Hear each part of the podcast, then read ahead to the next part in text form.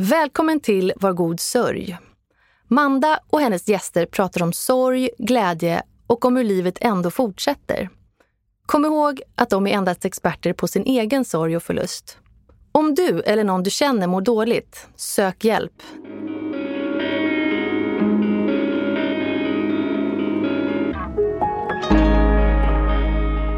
Jag heter Manda Ersgård och är mamma, barnmorska, journalist och ja, tyvärr änka.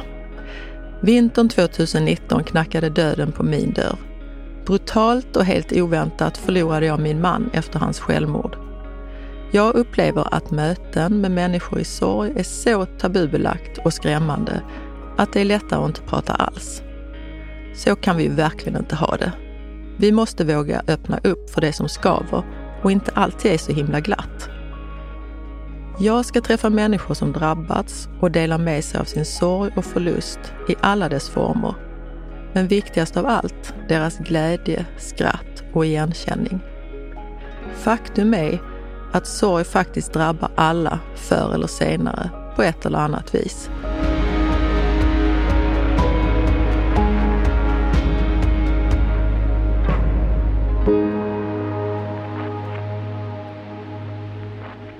Att genomgå en skilsmässa kan vara en sorgefylld process. Inte nog med att man förlorar sin partner och livskamrat.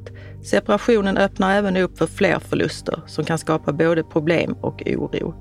Drömmar raseras, vi-identiteten försvinner, en otrygg ekonomi, vänner väljer sida och inte minst tystnaden och saknaden som infinner sig under barnfria veckor.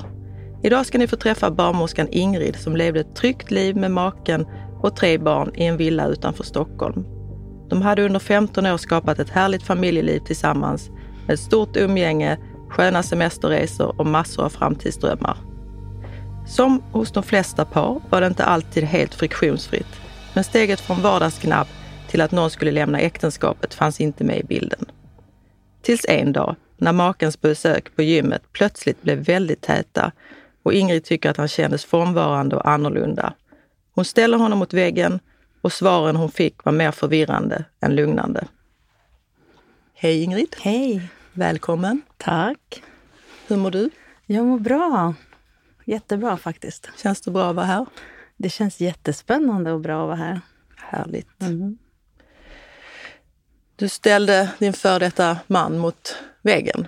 Vad var det som hände? Berätta lite från början. Ja, jag kan ju ta det lite från början då, men lite som du sa i inledningen där att vi levde ett tryggt familjeliv med tre barn. Träffades när vi var ganska unga. Båda två kring 23-årsåldern ungefär. Och eh, gifte oss ganska så snabbt och fick barn och då fick vi tvillingar så det var fullt ös. Och sen så ehm, fortsatte livet. Båda hade karriärer. Eh, vi bodde bra. Vi mådde bra eh, för det mesta.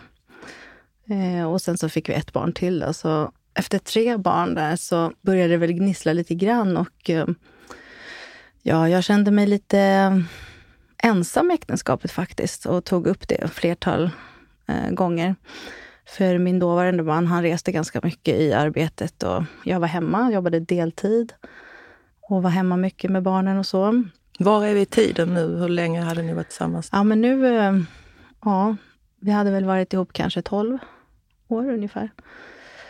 Så ehm, det hade jag ju tagit upp och jag kände liksom att hos mig också var det någonting som, som gnisslade redan då faktiskt. Och jag var inte riktigt heller nöjd med tillvaron och ehm, tog upp det vid ett flertal tillfällen. Men det var absolut inte så att jag hade tänkt att vi skulle gå isär på något sätt. Utan jag tänkte ju att ja, ja, efter så här lång tid i ett äktenskap så är det väl självklart att saker och ting gnisslar lite, så då får man ju ta tag i det. Det tyckte inte jag var något konstigt, som också jobbar med människor. Men då var det faktiskt så att det började med att han, eh, han hade ganska mycket hälsoproblem och ja, blev tillsagd av en läkare att ta tag i det. Så då började han med det och nu är vi kanske ja, framme i år 2017 tror jag. Och började gå på gym och gick ner i vikt och mådde mycket bättre. Och jag var jätteglad över det, för att han hade ju inte mått bra. Men i och med den här hälsoresan så märkte jag att det blev väldigt många saker som förändrades. Alltså dynamiken i vår relation också för att han, han förändrades. Och jag förändrades inte, tyckte jag då. Det kanske jag gjorde, men jag tyckte inte det. Och det kändes lite konstigt hemma.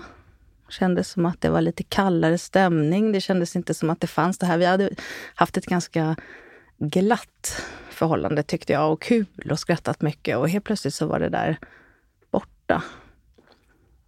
Och eh, det var lite svårt för mig för att jag var så glad att han hade tagit hand om sin hälsa och mådde bra. Men samtidigt var det något som försvann.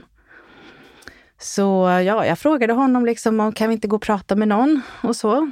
Kanske var året efter, 2018 där. Men då, då fick jag faktiskt till svar att eh, nej, det är inget för mig, sa han. Och det tyckte jag var lite märkligt svar för att man har ju barn och jag tänkte då frågade jag, men kanske ska prata lite på grund av att vi också har barn ihop, att vi ska ta hand om det här och så. Men han var liksom, nej, det där är inget för mig. Inga psykologer och sådär. Och då tänkte jag så här, ha.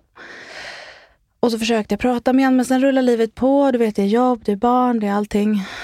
Och så um, gick det något år till. Och jag kände av den här frånvaron. Jag tog upp det med några vänner runt omkring att det här känns inte riktigt bra. Det är något som inte stämmer.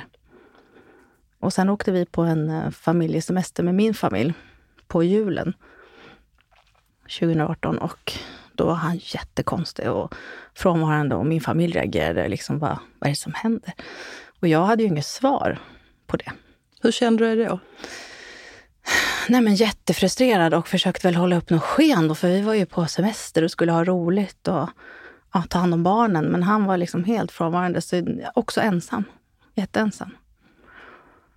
Och jag funderade ju supermycket på det där och vad, vad jag skulle ta mig till. Otroligt frustrerad och jag pratade med flera släktingar och vänner och sådär. Och jag pratade ju med honom, men eh, jag kan inte minnas att jag direkt fick något svar så här att ja, eh, vi, jag vill skilja mig eller någonting sånt då. Utan, för det, det hade vi liksom, vi hade ju pratat om, så ska vi, gå, ska vi separera eller ska vi prata med någon? Men det blev liksom aldrig någonting av det.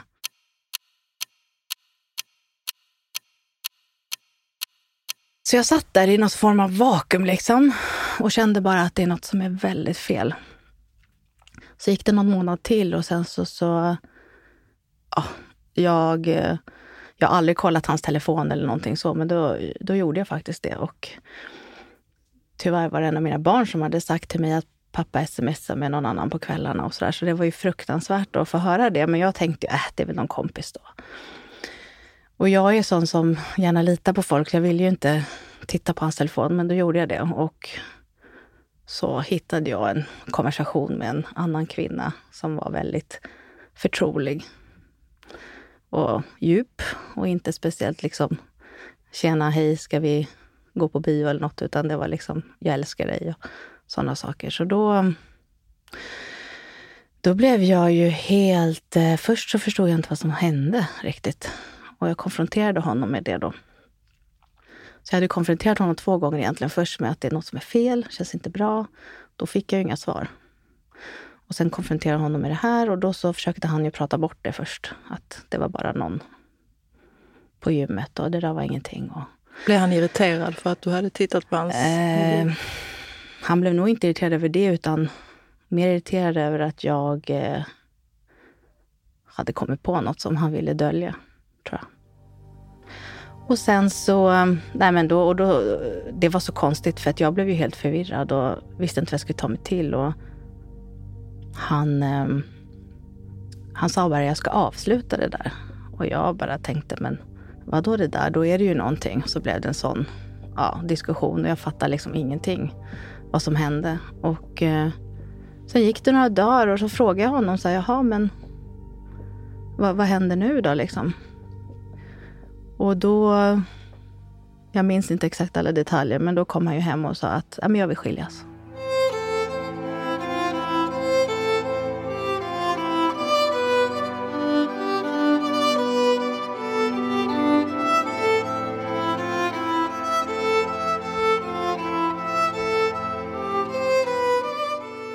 på något sätt hade du, hade du väntat på att han skulle säga det eller kom det som en chock? Um, lite både och. För att jag... Jag hade ju på något vis eh, kanske förstått att han och jag inte skulle leva våra liv ihop faktiskt. Våra äldre liv, vårt äldre liv ihop. Men samtidigt så var inte jag alls där i den punkten att man skulle bara separera. Utan jag tänker att efter 12-15 år i ett äktenskap så jobbar man lite på det för att man har barn och man har levt länge ihop och sådär. Men då var det bara liksom, nej, nu, nu ska vi skiljas. Så för mig, ja, nej men både och. Alltså jag hade ju förstått att något inte stämde. Och det här var ju inte bara för att um, han hade kanske mött någon ny, utan det här var ju saker som hade hållit på länge. Så jag tänkte ju så här, men först, min första känsla var att ha vad trist. Jag hade ju tänkt att vi skulle jobba på det här medan han då kanske går till någon annan istället. Och det vart jag nog mest ledsen över först, faktiskt. Sen går ju historierna isär här lite, men eh, han tycker väl inte att det ja, gått till på det där sättet som jag har gjort. Men så är det ju alltid. Men jag känner ju att jag såg vad jag såg. Och, ja. och det här är ju också din, din historia, hur du mår och har ja. mått. Ja. Eh, men vad, vad, hur gick det sen då?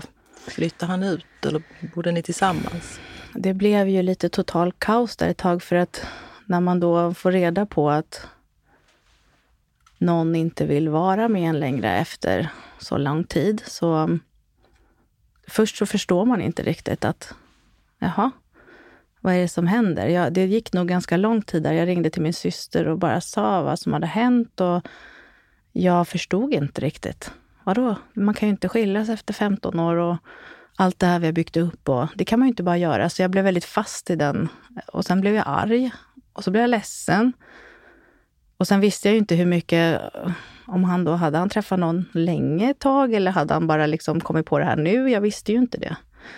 Jag förstod att det, att det var någon annan med i bilden, men jag hade ju ingen aning om hur länge det hade varit så. Men det var mycket pusselbitar som föll på plats av saker som hade hänt som jag hade gått och funderat över.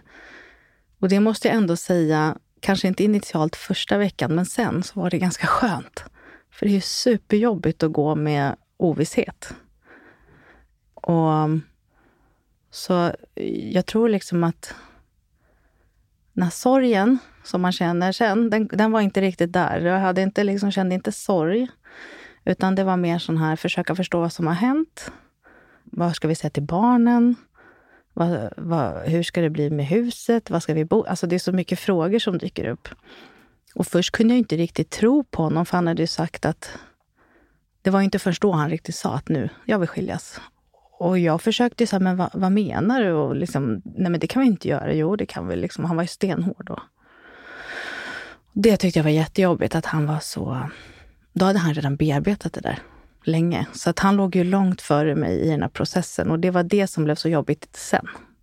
Förstod han det? Att du låg i en helt Nej. annan... Nej. Det har han förstått först nu, efter tre år tror jag. Det var alla känslor på en gång. Och där och då, nu är jag väldigt praktiskt lagd, pragmatisk på många sätt och vis, även om jag är emotionell. Så jag började ju tänka, vad ska jag göra?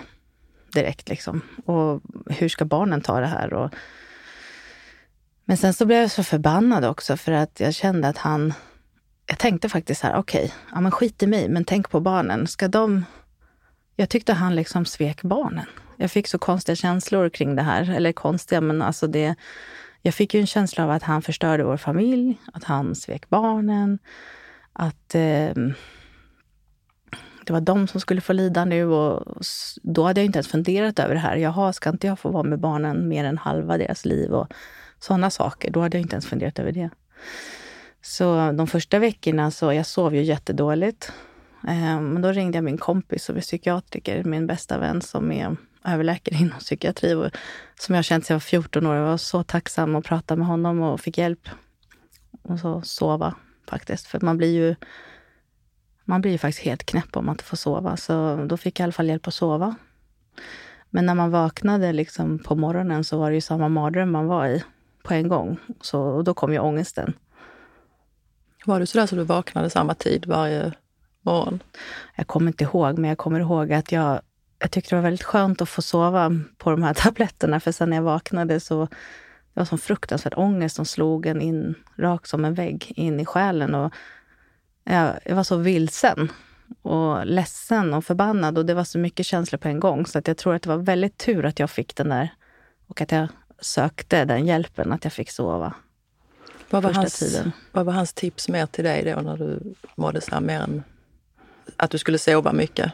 Nej, men han var ju väl, han var ju jättebra där. Utan han sa ju så här att nu måste vi ta hand om dina basala behov, Ingrid. Och sova, äta.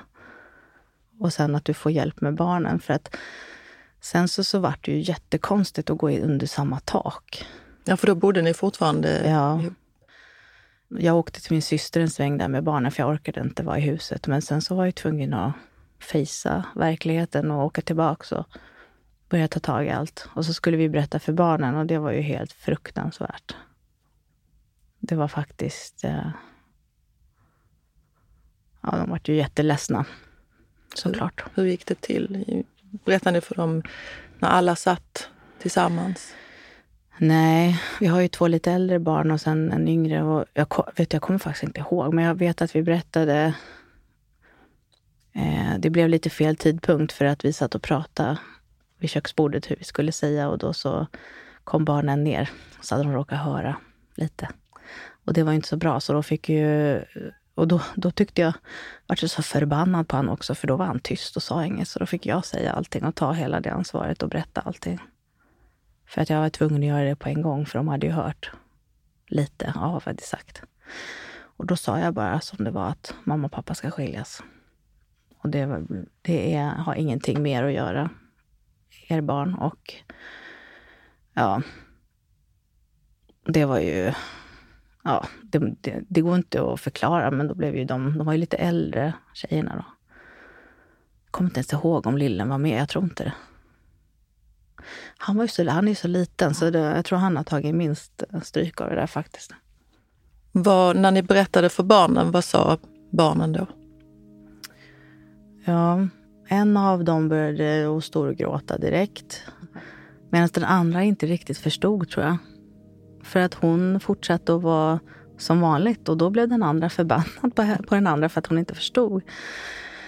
Jag tror inte hon hade... Antingen så var det förnekelse eller så hade vi... Hon hade inte tagit in det jag sa. Eh, men sen när hon tog in det så blev ju den andra tjejen också jätteledsen. Och sen har faktiskt de berättat för mig, för att det kommer inte jag ihåg, att de ringde mormor, alltså min mamma, som de har väldigt fin relation till. Och så fick hon komma ut och ta hand om dem, för de kunde inte gå till skolan. Det här var på morgonen som det råkade bli då. Ja, och han åkte till jobbet bara, tjopp. Och så fick jag ta hand om det också. Det var ju snällt. Men, men. Jag är inte bitter. Nej, men det var ju jättetufft såklart. Och um, men där hade jag ju också en sak som jag tror, om man ska tipsa andra och sådär, mm, som jag är bra på, det är att jag ber om hjälp. Så att jag var ju väldigt snabb att be om hjälp med allting. Jag hade min mamma och syskon, de hjälpte mig med ja, både logistik och kanske mat. Jag kommer inte ens ihåg. Jag har jättemycket minnesluckor från den här tiden. Men med barnen och så. Och vad han var, det kommer jag inte ens ihåg faktiskt. Men han kom ju och gick och tog väl några veckor där och sen började vi gå varannan vecka i huset. Eller om vi var där hela våren ihop. Jag kommer inte ihåg, för på sommaren gick vi varannan vecka i alla fall. För vi, ja, vi skulle ju sälja huset och ja, det vart ju så mycket. Var det inte väldigt mycket oro också om han kommer och går och ni inte, jag kan tänka mig, att, eller jag har ingen aning, men bestämde ni så här, du får vara i huset vid den tiden eller hade ni något schema? Nej. Nej, där var vi väl ganska vuxna. Jag var ju väldigt arg på honom och besviken. Jag visste ju inte riktigt hur det låg till. Jag förstod ju att det här, alltså själva skilsmässan kanske hade skett ändå, men jag var så förbannad över hur det blev. För att jag hade ju velat att vi hade gått och pratat med någon och kanske kommit överens i lugn och ro om det här och inte bara att det blev en sån här, nu ska vi skiljas, punkt slut. Och så kanske det var någon annan med i bilden. Eller det var det, men ja. Eh, väldigt otydligt allting. Eh, och han, eh, han var inte så benägen att prata då. Så att eh, han hade väl också sina issues. Jag tror han hade väldigt mycket skuldkänslor faktiskt. Över att, för jag, jag var nog ganska tuff och sa att mm, ja, men då är det ditt val att splittra den här familjen. Liksom, för jag, jag var jättearg.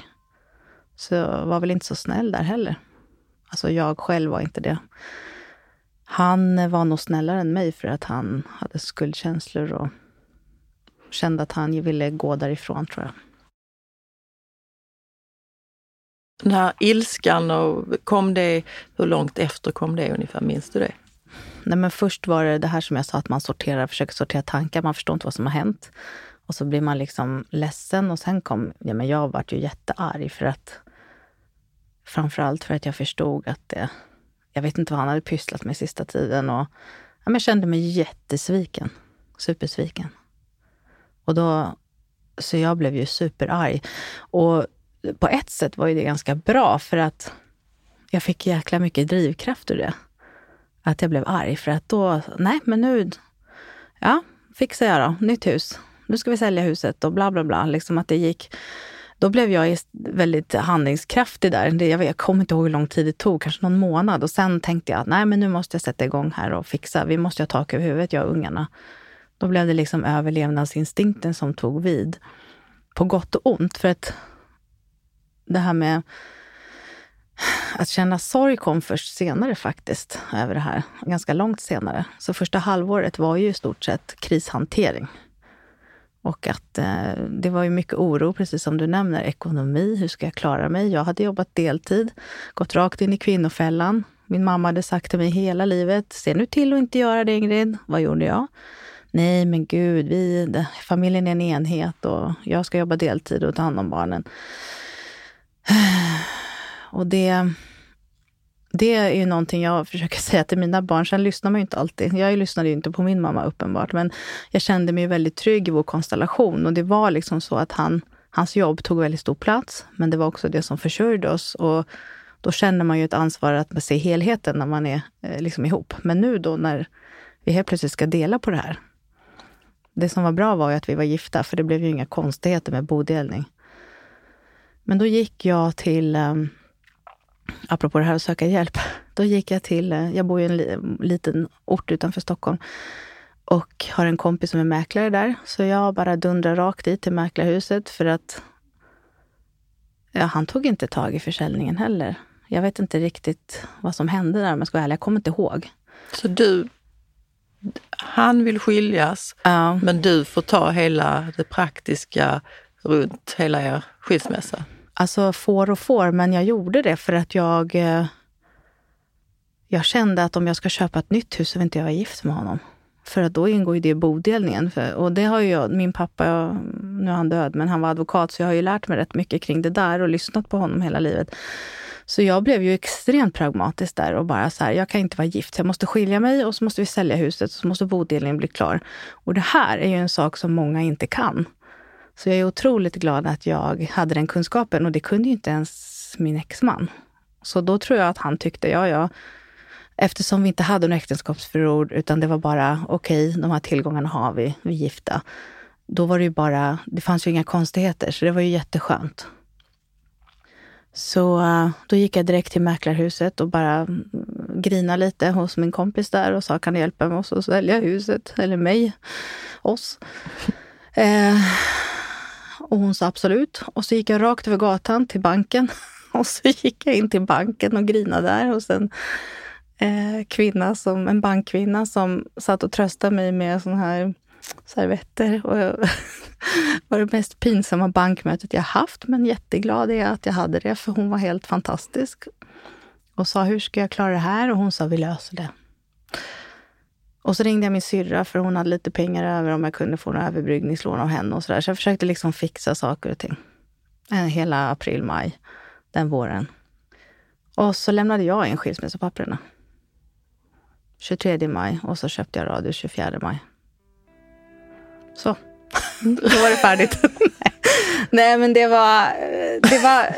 Det blev jätteknäppt för att jag kände att jag måste liksom överlevnadsinstinkten bara tog vid. För han hade ju bestämt sig. Det fanns ingen återvändo i det här. Det var helt färdigt. Men det låter ju precis som du säger att du blir så förbannad. Så jäkla Så du fick förbannad. energi Ja. av det. Det är ju helt fantastiskt egentligen. Att du... Ja, alltså på, verkligen på gott och ont. Sen så var jag kanske inte så trevlig där då, men det får man ju... Så är det ibland. Och det har jag ju haft, det har jag faktiskt haft ångest över i efterhand, men det är ju helt sjukt hur man kan... Alltså jag var ju inte... Jag var inte dum, men jag sa kanske inte så snälla saker. Och det har jag haft jättejobbigt med i efterhand, för det man inte tänker på då, det är ju att oj då, vi har ju barn ihop så vi ska ju ha en relation till ända till hela livet ändå, tills de är vuxna. Det måste vi ha. Och det hade man ju ingen tanke på då. Sen kom sommaren och då gick vi varannan vecka i huset och eh, då hade jag någon sån här, nu ska jag ha kul den här sommaren. Jag ska inte låta låta det här överskugga mitt, eh, mitt vanliga liv. Och det var ju också bara förnekelse, men det var väldigt skönt. Så jag gjorde roliga saker med barnen och eh, då visste jag på något vis att den här oron jag hade känt hela våren över så här, boende, hus, ekonomi, hur ska jag klara mig själv? Då kände jag att jag hade i alla fall ett boende på hösten då, som jag skulle komma till. Och sen har jag ett jobb. Det var ju tur det. Och sen så, så kände jag väl att vi får lösa resten sen. Så då, sommaren blev ändå ganska okej för mig för att då, ja, vi har vänner som ställde upp och lånade ett hus på västkusten och jag fick åka dit. Och jag hade inte så mycket ekonomi men de hjälpte mig. Så att jag fick ju liksom göra lite roliga saker då. Och så flyttade jag in på hösten och då var det ganska skönt för när jag fick mitt eget boende, då var det så här, okej, bra. Då landade jag i det och eh, så jobbade jag hela hösten. Jag jobbade under hela den här tiden också. Och sen, kring jul, så blev jag dö- jättesjuk. Och då kom ju hela sorgen. Du blev sjuk som... Alltså fysiskt sjuk. Jag fick nog... Jag misstänker att jag hade corona, för det kom sen. Men jag, blev så, jag fick lunginflammation, jag fick bihåleinflammation, jag fick eh, eh, öroninflammation. Jag var jättedålig. Jag förstod ju någonstans att nu är min kropp helt slut. För nu har jag bara tågat på här i ett år. Och ja, de här jobbiga känslorna som jag har tryckt undan ett tag här nu, de kommer ju nu och så. Så då, eh, nej men där brakade det loss. Sen brakade jag ihop helt och sjukskrev mig ett tag.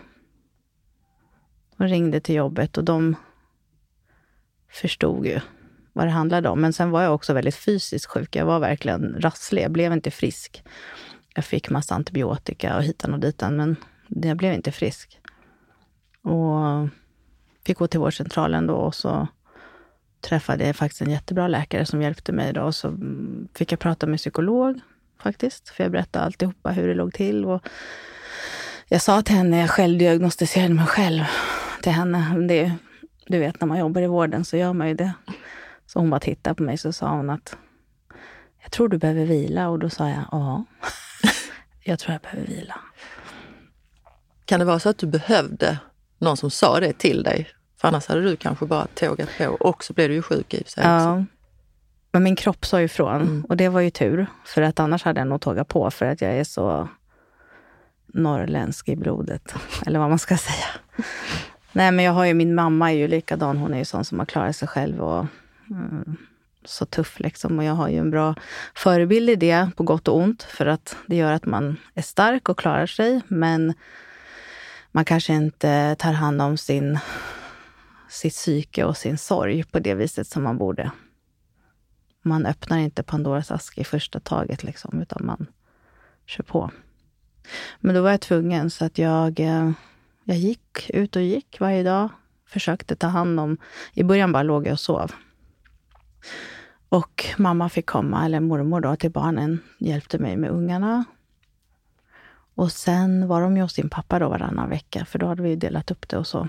Eh, så då fick jag ju bara vila, men då låg jag bara still in i väggen. Och, och då tror jag, här kom ju sorgen. Då blev det liksom... Det blev faktiskt nattsvart ett tag och jag började känna att jag hade förlorat min livskamrat. det kände, jag fick känslor som att han var död. Eh, jag grät jättemycket för att jag inte hade... Jag ville ta upp telefonen och ringa och berätta saker och han fanns inte där. Det kände, jag kunde inte det för att han var väldigt så i början avståndstagande och ville inte ha kontakt. Och det tyckte jag var jättejobbigt. Och det... Jag kunde inte tvinga honom till det, utan praktiska saker gällande barnen, det tog han. Men han ville inte prata om skilsmässan, det var liksom färdigt för honom. Medan jag låg som sagt efter, ganska långt efter i, i bearbetningen då. Han var ju, och nu levde ju han med den här kvinnan som han hade träffat då. Så att de, han var ju redan någon annanstans mm. i sitt liv. Och då kom det väldigt stor sorg och sorg över att det inte blev som man hade tänkt. Och sorg över att jag inte kunde träffa barnen hela tiden. Och eh, en stor sorg att min bästa vän faktiskt var borta. För att jag menar, det låter ju helt sjukt, men även om man förlorar sin partner så var det faktiskt värre att förlora sin bästa vän. Eller det kanske inte är så sjukt. Nej, det låter inte så sjukt. Nej. Det var liksom det som jag kände var allra värst. Och sen är det ju så här, det som många inte tänker på, det är att det är så många som sörjer i en skilsmässa. Det är inte bara de två parterna och barnen, utan det är Alltså mina släktingar var ju superledsna. Vi har ju levt 15 år ihop. Hans, föräldrar, hans mamma och syskon var ju superledsna. Alla våra kompisar var ju ledsna. Så att mm, det påverkar så himla många när man skiljer sig. Och det, det tror jag inte folk reflekterar så mycket för som sitter i den sitsen. Så att det var ju många som hade blivit ledsna i det här. Men då, mm, då låg jag hemma i, jag vet inte, sju, åtta veckor kanske.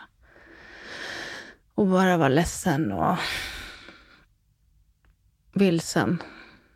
Men då, då, hjälp, då hade jag ju tur att jag hade syskon och mamma som hjälpte mig med... Jag ville ju inte äta, ville inte göra någonting. Så det var ett år efter ungefär.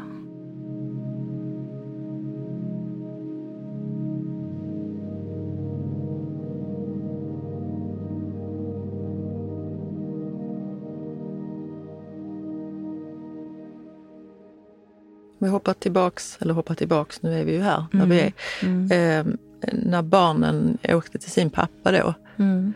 då var det varannan vecka mm. ni har. Mm. Och du stängde dörren om huset och du var sjuk samtidigt. Det måste ju blivit en det var ju frukt, nej, det var fruktansvärt. Alltså, det var ju... Men det var också väldigt... Det, var, det tog en stund innan vi kom på hur vi skulle göra för att i början så hade vi switch liksom på söndagar och det blev inget bra för eh, minstingen, han var väldigt mammig. Så han klamrade sig fast en timme och grät. Och det var ju jättejobbigt för båda och för honom. Han ville inte åka iväg och sådär. Och sen så började vi bytas av på måndagar istället så att man lämnade på skolan. Och sen så fick den andra hämta och då blev det ju mycket mindre dramatiskt. Så det handlade ju om att hitta rätt form där också. Men nej, det var ju, vad ska jag säga, det var väldigt fruktansvärt. Och eh, sen var det jättejobbigt att jag visste att det fanns en annan kvinna som skulle ta hand om mina barn. Det var också en jättejobbig process. För att hon kom ju in tidigt, den här min exmans nya då, i barnens liv. Och jag visste ju vem det var, men jag visste inte, kände inte henne. Och det var jättejobbiga känslor, för då blev det både Ska någon annan ta hand om mina barn? Man blev liksom lejoninna. Ska, ska någon annan natta min lilla, ja, vad han nu mm. var, sexåring? Det kändes liksom fruktansvärt. Och det... Inte avundsjuka, men inte svartsjuka och avundsjuka kan jag inte säga, men någon form av skyddsmekanism som bara dyker upp. Att jag vill inte att någon annan ska göra det. Och det tog ju jättelång tid att svälja, faktiskt. I någon del av den här tiden, kände du någonsin någon skam eller skuld för barnen? Nej, jag gjorde faktiskt inte det. Och jag kände, in, jag kände sorg över att äktenskapet hade gått i krasch och jag kände sorg över att det blev som det blev. För det blev ju inget trevligt avslut direkt. Eh, och jag kände sorg över att det inte blev som man hade tänkt. Men jag kände ingen skam för att jag, jag tyckte verkligen inte att jag hade gjort något fel. Och jag tyckte att jag hade försökt att, ska vi inte gå och prata med någon eller ska vi liksom inte försöka att ja, förstå att det inte är så lätt jämt i äktenskap och så. Men jag tyckte ändå att jag hade gjort mitt yttersta om man säger så. Och även om jag inte var nöjd och kände mig ganska ensam i det där äktenskapet, så här, det, har man, det har jag förstått sen, så är det ju på något vis att man vill så gärna att det ska vara det där som hade varit. Men eh, vi hade väldigt olika åsikter om saker och ting på slutet. Så nu så här med facit i hand så, så var det ju ett, eh, ett bra beslut. Men det kunde man ju inte förstå då. Faktiskt. Tror du barnen, eh, jag tänker på att ofta så här i skilsmässa, kan jag tänka mig att barnen lite kommer i kläm. Deras röster, tycker du att de har blivit hörda? Nej, inte i början. Det, det tycker jag inte. För då... Mm, jag tror att de reagerade lite samma som jag. Att de försökte nog bara överleva. Och det viktigaste för dem var att inte vi var osams. Det var det allra viktigaste och det gjorde de ganska tydligt. För att i början, första året, så var ju vi, eller jag, var ju ganska arg. Och det mådde de inte så bra utav och jag var ganska ledsen. Och jag kände, det kände jag skuld över faktiskt. Att jag, jag mådde inte bra och kunde liksom inte heller... Deras pappa ville inte prata så mycket med mig, men jag tyckte väl inte att jag behövde prata så mycket med honom heller.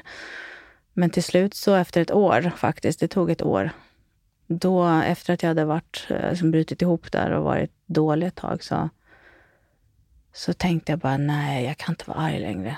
Det går inte. Jag, barnen mår inte bra av det och jag kan inte ägna energi i livet åt att vara arg. Och då, mm, då möttes vi allihop, eller jag mötte eh, Ja, jag ringde och sa att det här går inte. Vi måste fixa det på ett bättre vis för barnen. Och eh, det här är så häftigt hur barn kan vara en katalysator för att då råkade vi sammanstråla på ICA.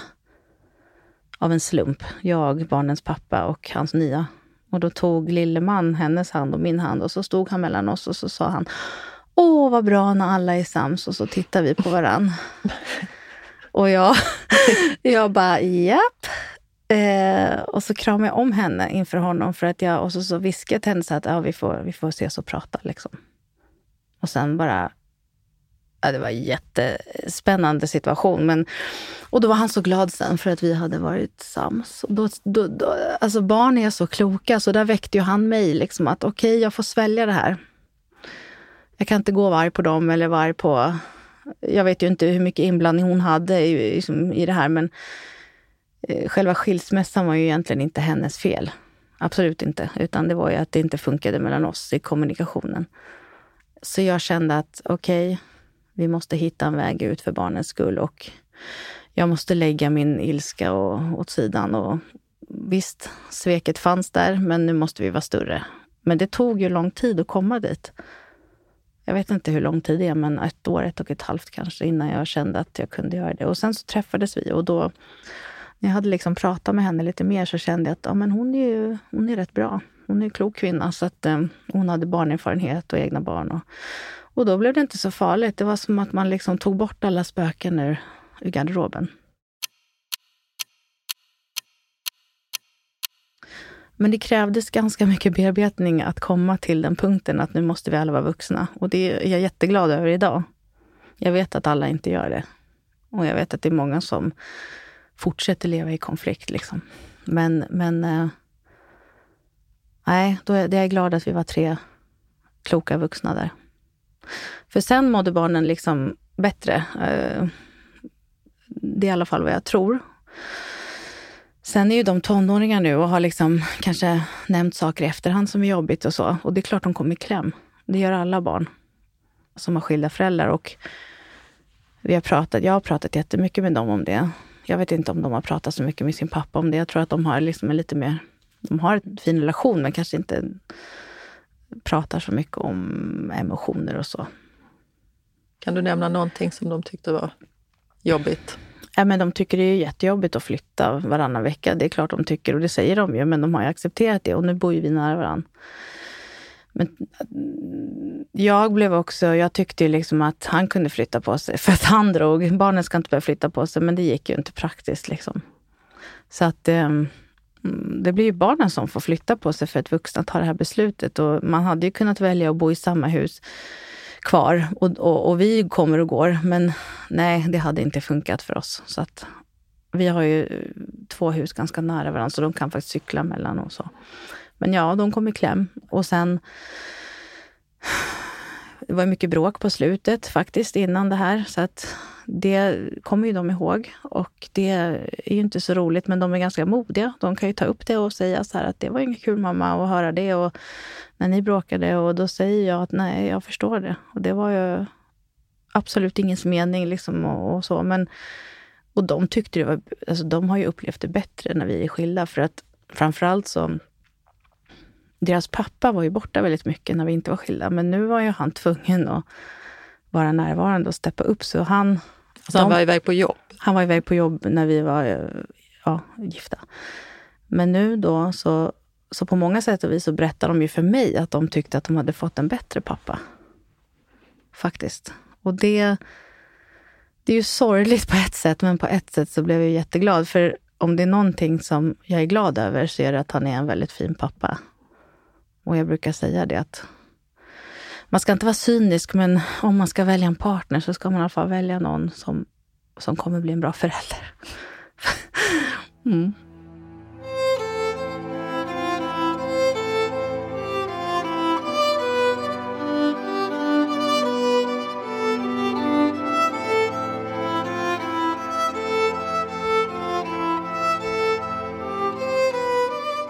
du och dina barn har bra kontakt. De pratar med dig och eh, är lite som du, pratar, de vågar säga. Ja, både och skulle jag vilja säga, för jag har fått dra ur dem en hel del också. För att eh, där är de ganska olika. En, en av dem är mer öppen, men den andra inte det.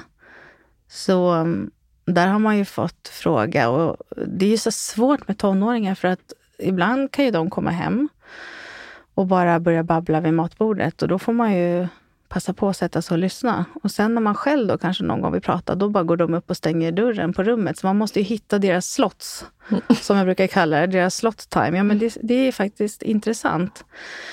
Så det finns ju kvällar då när den här tjejen som kanske är lite mer introvert kommer ner och sätter sig vid matbordet och då babblar hon i två timmar och då vill jag gå och lägga mig, men då får jag bara, okej. Okay. Ja, men det är ju så och det, det har jag fått lära mig nu. Då kommer det. Och då kan hon gråta och berätta att det är så jobbigt med skilsmässan och det kan vara allt möjligt. Men samtidigt så... De har liksom... Jag har liksom förväntat mig en större reaktion än vad som har kommit utav det. Men det tror jag att kanske var att vi ändå blev sams, de vuxna, efter, eller, alltså, efter ett år. Och sen har de sett min sorg jättemycket och det vet jag inte om det är bra eller dåligt. För jag var ju tvungen och när jag var så där ledsen så såg ju de att mamma var ledsen. Och då, då kom jag ihåg att jag sa så här, mamma är ledsen nu men det kommer bli bra. Man klarar allting. Och nu i efterhand när det är mer stabilt så kan de ju faktiskt, de här äldre tjejerna, komma och säga så här, mamma, jag fattar inte du klarar allting. Och de är ju mitt uppe i tuffa tider i livet och så, men då säger jag att ja, men så här är det tjejer, att när man har livserfarenhet, då har man ju liksom gått igenom en hel del och man inser att man kanske inte dör i första taget, utan man klarar saker. Men den livserfarenheten har ni inte fått ännu. Ni är precis i början av livet. Och på det viset så tror jag att de... Det låter ju helt sjukt, men de har ju lärt sig jättemycket av det här också. Alltså att se kris, att se att det är kaos och sen att det kan bli bra. Så Ja, men livserfarenhet. Mm. Så jo, det, det, har de ju fått av det här på ett sätt. Sen vet jag inte hur de kommer tycka, för det var en sak som kom nu och det var att många barn där en förälder har lämnat den ena partnern tror att deras pappa ska lämna dem också. Det har kommit upp. Eftersom han, om den ena har lämnat den ena föräldern så kan barnen bli väldigt rädda över att alltså, få idéer. Så det har vi fått prata jättemycket om. Och, och nu tror de ju inte det längre. Så. Men, och det pratade jag med den här psykiatrikern om också. Så att det skulle liksom, hur ska, jag, hur ska jag göra med det här? Eh, vad ska jag säga? Att, ja, det är klart jag säger att deras pappa inte ska lämna dem, men de tänker ju saker som inte jag hör. Men förmedlar du det till pappan? Pappa? Absolut. Ja. Och det, det, är ju, det är ju där vi är nu. Det, det är sådana saker jag kan prata med honom om nu, men det gick ju inte i början. Och det var inte mottagligt. Men nu har jag kunnat säga att det här finns det rädslor kring och så. Och han, då har ju han varit jättebra och tagit emot det. Så att eh, det är en annan tid nu. Men... Eh, och precis som du säger, som du sa innan, att det är så många inblandade. Det är så många inblandade som man inte... Gud, man förstår inte det förrän det här sker. Hur många man har som blir påverkade av ens relationer. Eller äktenskap. Ja. Det är så många runt omkring som blir påverkade faktiskt. Drabbar många. Drabbar jättemånga. När du hade varit sjuk i, vad var det, i två månader, mm. då kom du tillbaks till jobbet igen. Mm. Eller hur gjorde du då? Började jobba igen? Eh, jag började jobba 50 procent, alltså lite långsamt tror jag. Trappade upp liksom jobbet. Men där hade vi en fördel att vi jobbar i vården, för jag kunde ju sitta och grina på jobbet om, jag, om det hände någonting. Och så då kom det ju som en stor familj av änglar och tog hand om en. Så på gott och ont, man vill ju kanske inte vara oprofessionell och sitta där och grina, men kom det så kom det. Och då, då var det ju, det var ju som att det bara slöt upp en eh, änglakör runt det. Liksom. Så det var ju på något vis var ju det en trygghet också med jobbet. Änglakör, det är helt rätt. Det är absolut hur mycket, nu lägger jag mig i här, men, eh, eftersom vi bara måste gå båda ja, två. Ja. Eh, just det här med att är man ledsen på jobbet, det är ingen som säger okej okay, jag kommer om en stund. Utan det är lite släpp, då släpper man och så kramas man. Ja, står man inte mitt i en födsel då kan okay. man göra okay. det. Annars får man ta den först. Men, men absolut, nej, men du, ja, du och jag vi jobbar ju där. Nej, men det, det var ju en otrolig trygghet att, att jag kände att jag kan visa mig sårbar på jobbet utan att det är konstigt. Hade jag jobbat på ett annat jobb, jag vet inte, det här kanske är fördomar, men jag tror inte att man på en bank kanske sitter och mitt på ronden börjar storgråta inför överläkaren och de bara, men Ingrid, nu tar vi det här, nu pratar vi om livet liksom. Det var ju superskönt. I och för sig eh, bankkvinnan. Ja, bankkvinnan gjorde ja. ju det. Så, så, bank tror jag det verkar ja, det, Precis, det här var bara mina fördomar. Nej, men hon var ju helt fantastisk. Nej, gud, nu ska jag inte... Det här var farlig mark. Nej men, ja.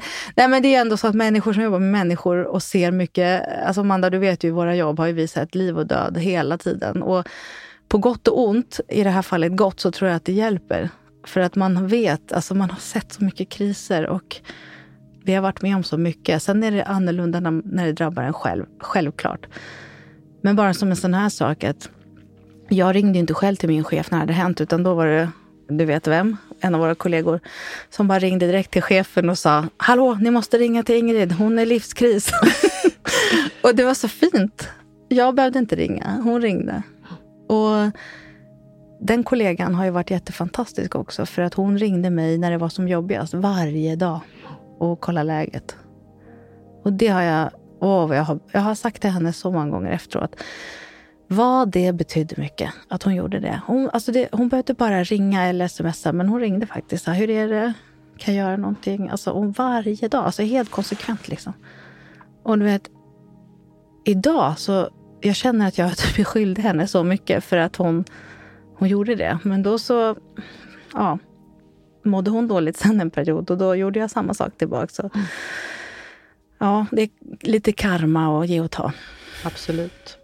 Men sorgen, den kom ju tillbaks i vågor. Mm. Och det här är ju liksom otroligt fascinerande. Jag tror det bara var någon månad sen som jag bara kände så att det bara sköljde över mig. Och ändå har jag, är jag lycklig nu.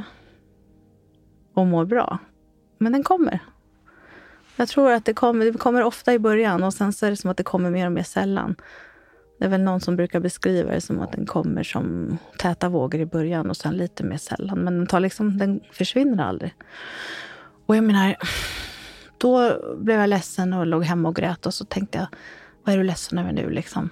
Ja, det var bara sorg över hela, hela alltet som hände. Men inte att jag vill inte, jag vill inte leva med honom, för nu har jag en annan fantastisk man. Men sorg över att det blev som det blev då. Det bara kom. Och då, då... Eh, man kan ju bli lite överraskad. Att det bara kommer sådär. Eller vad säger du? Jo, jag håller med. Absolut, det kan ju komma som en, eh, vad ska vi säga, en käftsmäll. Ja. Ja, kanske inte en rund rullande våg jämt. Nej, inte, inte en käftsmäll också. En käftsmäll ja. skulle jag nog kunna mer, Ja. som kommer i någon slags ri- boxningsring. Ja. Ehm, absolut. Men ehm, när du hade då, du sa att du jobbar lite halvtid, du har ju fantastiskt stöd av din väninna och Mm. andra, eh, stort, mycket människor runt omkring dig. Mm. Så jobbar du lite halvtid, men sen jobbar du mer och sen helt plötsligt börjar du tänka på, tänkte du att nej, nu börjar Sverige bli lite för litet? Nej, Alltså jag, jag, nej, jag, eller, jag har ju jobbat eh, i vårt grannland lite till och från, i, hel, alltså i Norge, i hela mitt eh, arbetsliv egentligen. Både som sjuksköterska i början och sen som barnmorska. Så det tog ganska lång tid innan jag kände att jag måste söka lite ny mark och så. Men då... Det som var härligt med att få... Alltså, vad ska man säga? Jag hade ju varit hemma hela tiden med barnen och sen jobbat. Så jag hade ju kanske inte... Det är klart att jag fick åka iväg med mina väninnor på resor och så. Men nu helt plötsligt hade man en vecka ibland när man inte hade barnen. Och så tänkte man så här, ska jag bara jobba nu eller ska jag göra något annat? Alltså det blev ju en väldigt eh, mycket egen tid. Och nu är jag ju 44 snart, så då kände jag väl att äh, nu måste jag göra något av det här. Det var ju som en stor chans. Så då eh, åkte jag och jobbade lite i Norge som jordmor, som det heter, som barnmorska där.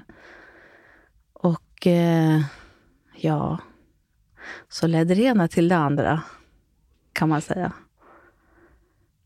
Nå, vad ledde det Ja. till? jag bara, ska jag säga det här eller? ja, ehm, nej men ehm, ja. Helt plötsligt så... Jag har alltid haft en dragning till Nordnorge och det här låter så otroligt eh, hokus pokus. Men jag hittade ett brev från när jag var liten. Eller liten, jag, vad heter det? Du vet ibland på utbildningen får man skriva så här, något brev till sig själv som man ska öppna i slutet. Och då hittade jag mm, en gammal låda från sjukhusutbildningen där det st- står så här, brev till mig själv. Och så läste jag det och då stod det så här, eh, jag ska åka till Nordnorge. Och jag vet inte om det är en så här självuppfyllande profetia eller om det faktiskt är att jag har någon dragning dit. Men då drog jag till Nordnorge. Och sen så småningom så mötte jag en fantastisk man från Lofoten. Som jag nu lever med. Så det var ju faktiskt eh, otroligt. Att man kan hitta en ny kärlek i vuxen ålder och få känna kärlek igen. Det var ju helt fantastiskt. Var det rätt tid? I Ja, det hade nog gått två år då. Faktiskt. Ungefär. Jag hade ju varit på Tinder och sådär, men alltså... Ja, inte min grej riktigt. Men nu var du redo för att träffa någon? Ja, det tog två år tror jag faktiskt. Och sen så kände jag, men det som jag var glad över att, och jag brukar säga ibland att det var inget så här som jag tänkte ut innan, men jag gjorde mig själv glad innan jag träffade någon annan. Och det var väldigt viktigt tror jag, för att jag ville inte att någon annan skulle göra mig glad. Jag ville göra mig själv glad. Det var väldigt bra. Att jag hade liksom gjort klart det, så att det kom in, när det kommer in någon ny så blir det som en bonus. Att det här var bara en fantastiskt att man tillåter sig att känna så. Och du vet, man tror ju inte att man kan älska någon annan. Och sen så plötsligt så gör man det. Och det, eh, det är väl livets under. Att det faktiskt går.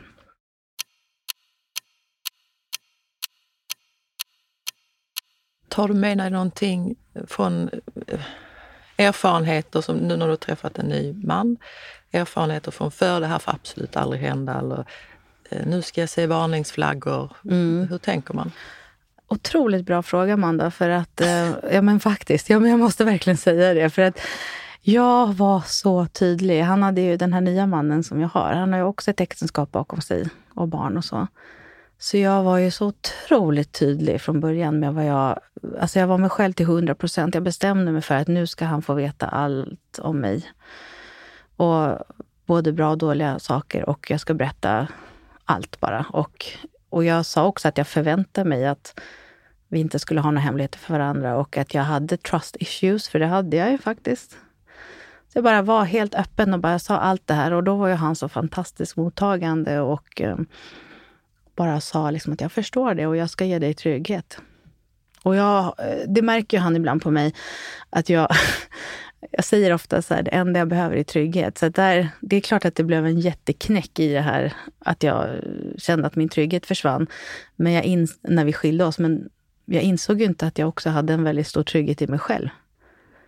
Eh, men nu så kan jag ju, när man har träffat en ny så, så var det väldigt viktigt för mig att bara så här att eh, jag sa massa saker till honom som sa att det här det här är vad jag önskar mig liksom, i livet. Och då menar jag inte materiella saker, utan då menar jag att vi är öppna med varandra, att man berättar vad som är jobbigt. Och om jag eh, blir på det här viset, då är det för att jag ja, känner så här eller har ångest. Alltså att, man, att jag var otroligt öppen med mig själv och det, det, kan man ju inte bara ösa i början, men det kom successivt så att de inte tror att man Andra är någon... dejten?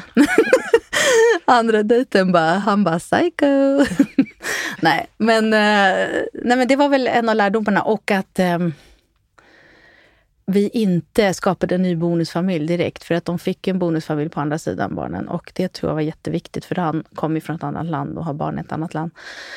Det tycker jag var jätteskönt för att barnen behöver inte två nya bonusfamiljer och att han bara fick finnas här i periferin.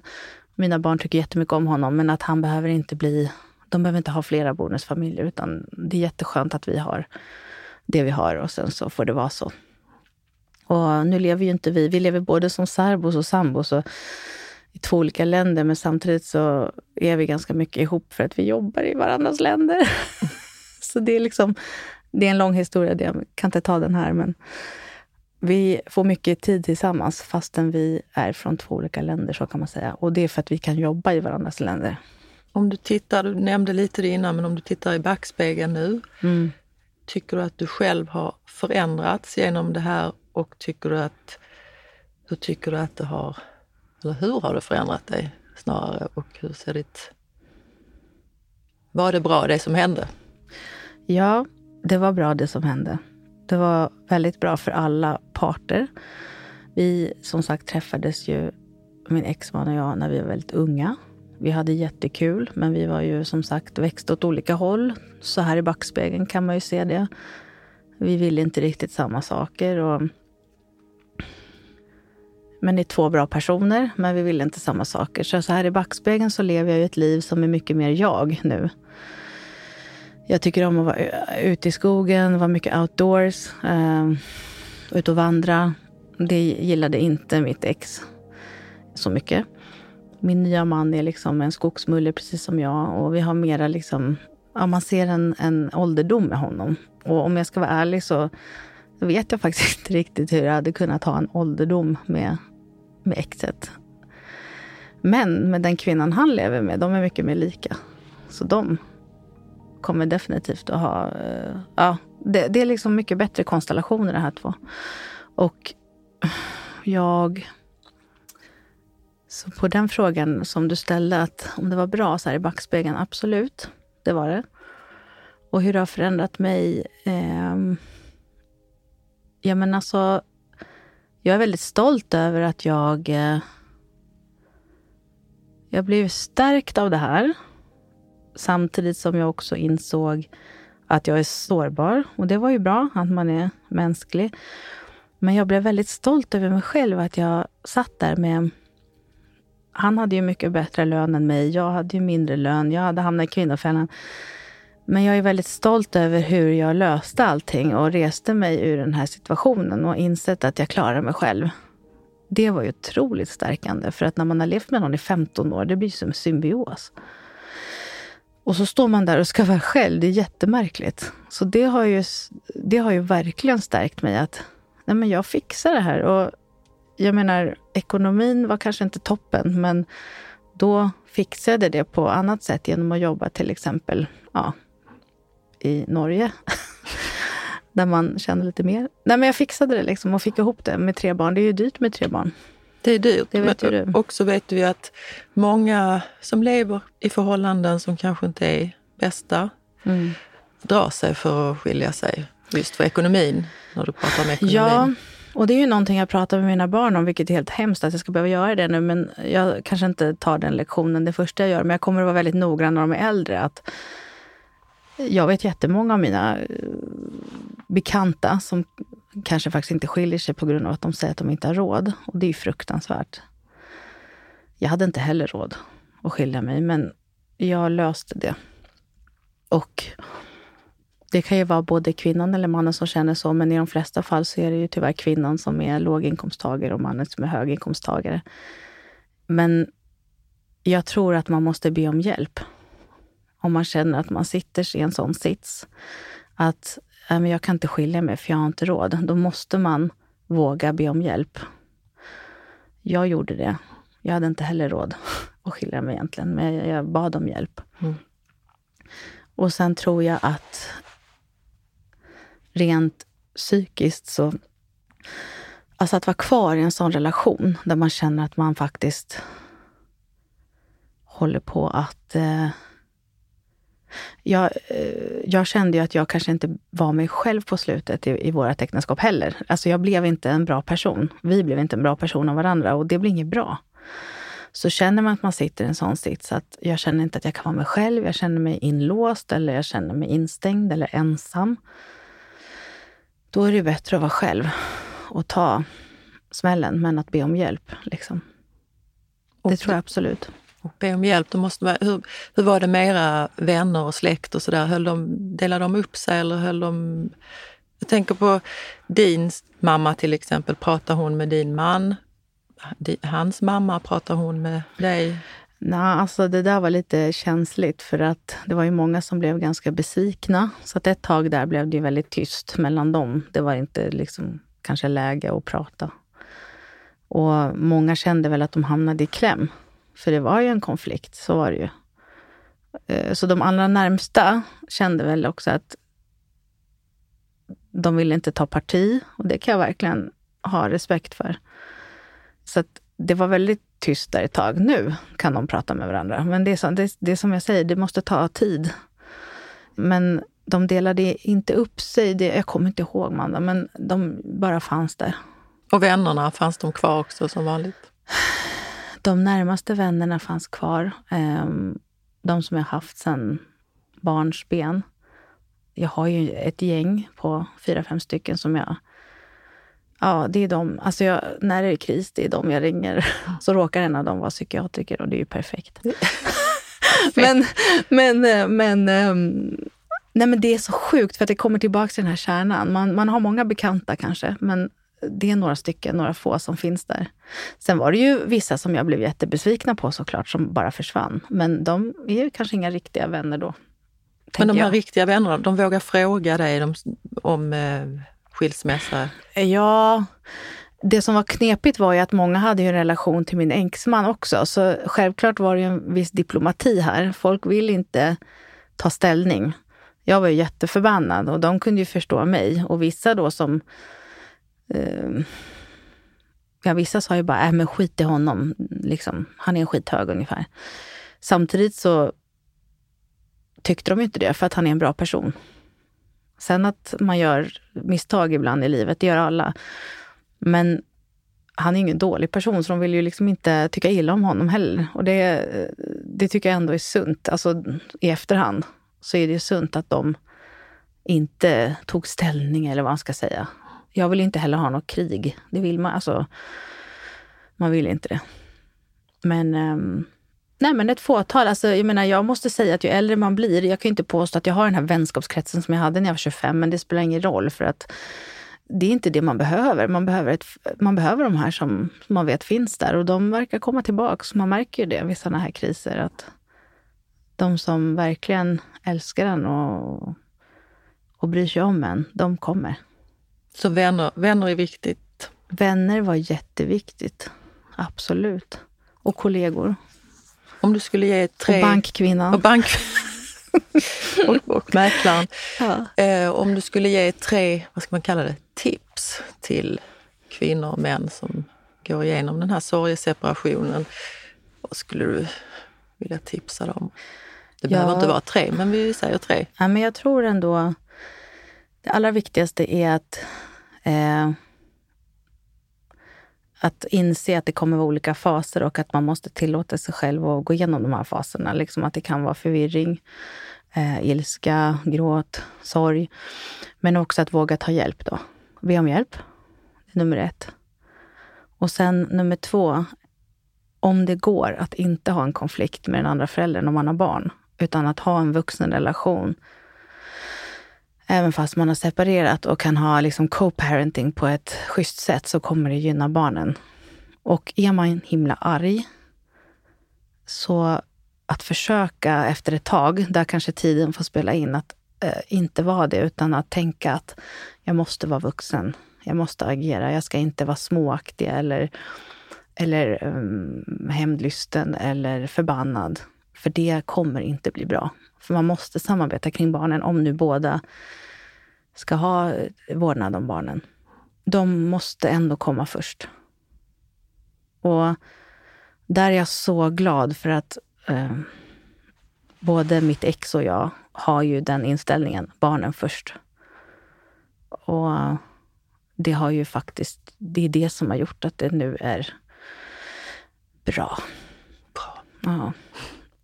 Och sen eh, ta hand om dig själv, alltså basala behov. Se till att sova, äta, ut och gå. Jag gick ut och gick jättemycket sen efter den där perioden. Motion. Det är ju det här basala. Så de tre tipsen framför allt. Då tar vi dem med oss. Ja. Tack så jättemycket för att du kom hit Tack, och Amanda. delade din fina historia. Tack för att jag fick komma.